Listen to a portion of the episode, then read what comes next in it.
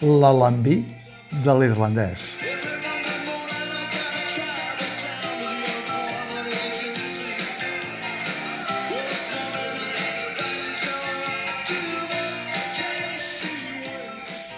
Scratch, un llampec, un tro i una tempesta de mil dimonis. Aquest fenomen meteorològic és el punt d'arrencada de la comèdia negra Els ossos de l'irlandès, del dramaturg Víctor Borràs Gasc, guardonada amb els Premis Quim Masó i Frederic Roda del 2022 i un dels èxits estrenats en el Festival Temporada Alta abans de fer estar al Teatre Acadèmia de Barcelona.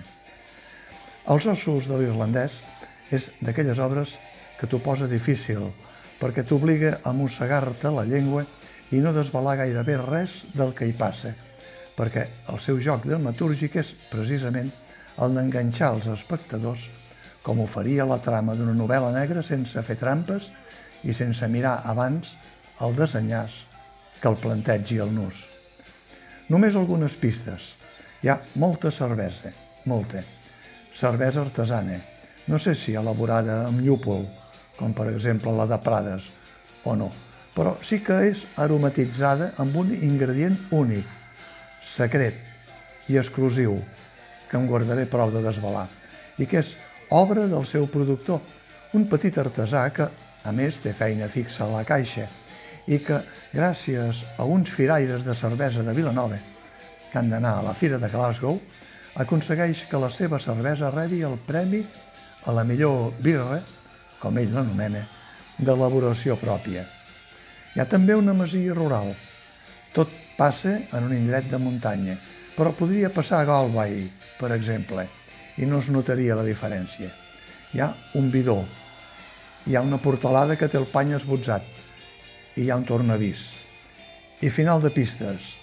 Han passat gairebé 20 anys d'uns fets que van unir i encadenar els tres joves d'un poble, el Llorenç, el més rural dels tres, l'Hèctor, propietari d'un magatzem, i el Xevi, l'artesà de la cervesa. Només cal dir que per reblar el clau, la banda sonora principal és amb la peça Sherry Darling, de Bruce Springsteen. I això, si es té en compte que canta el bosc, ja dona també algunes pistes més. Hi ha una mare, els tres protagonistes viuen encara mig emmarats, hi ha una cervesa i una autopista i una nena per cadascú, a Sherry Darling, o dit d'una altra manera, Sandra o Nuri, ni que aquesta es faci la vida al club de la carretera. Hi ha algun cor trencat per estimar de nou. Tot això, i molt més, ho canta el bosc, i els tres protagonistes dels ossos de l'irlandès fan de bosc estones, ni que sigui amb un pal d'escombra, com a micro.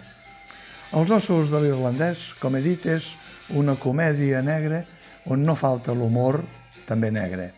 Però el ressò és de terra endins, de terra dura, on les amistats es fan i es desfan, però no s'acaben de trencar mai del tot, i on tot és possible, fins i tot que en un pla de la Roureda, on no hi corria mai ni un fil d'aigua, acabi baixant una torrentada.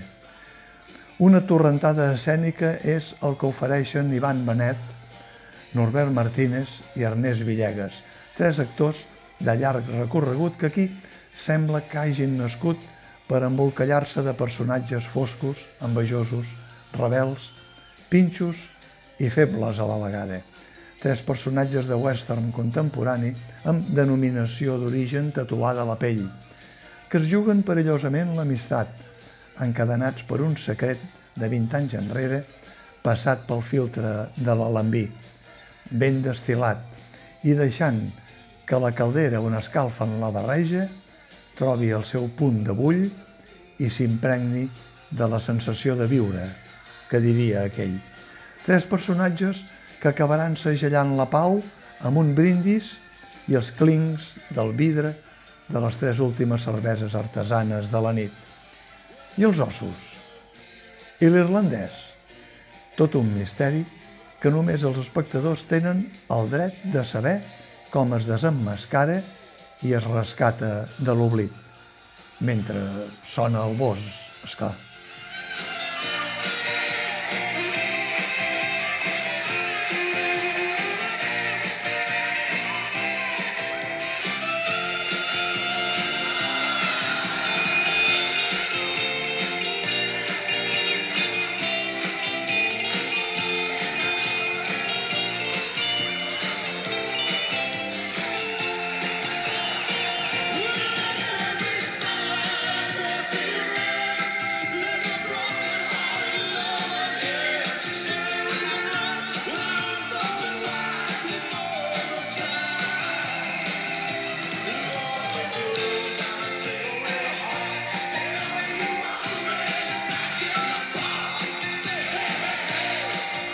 you say?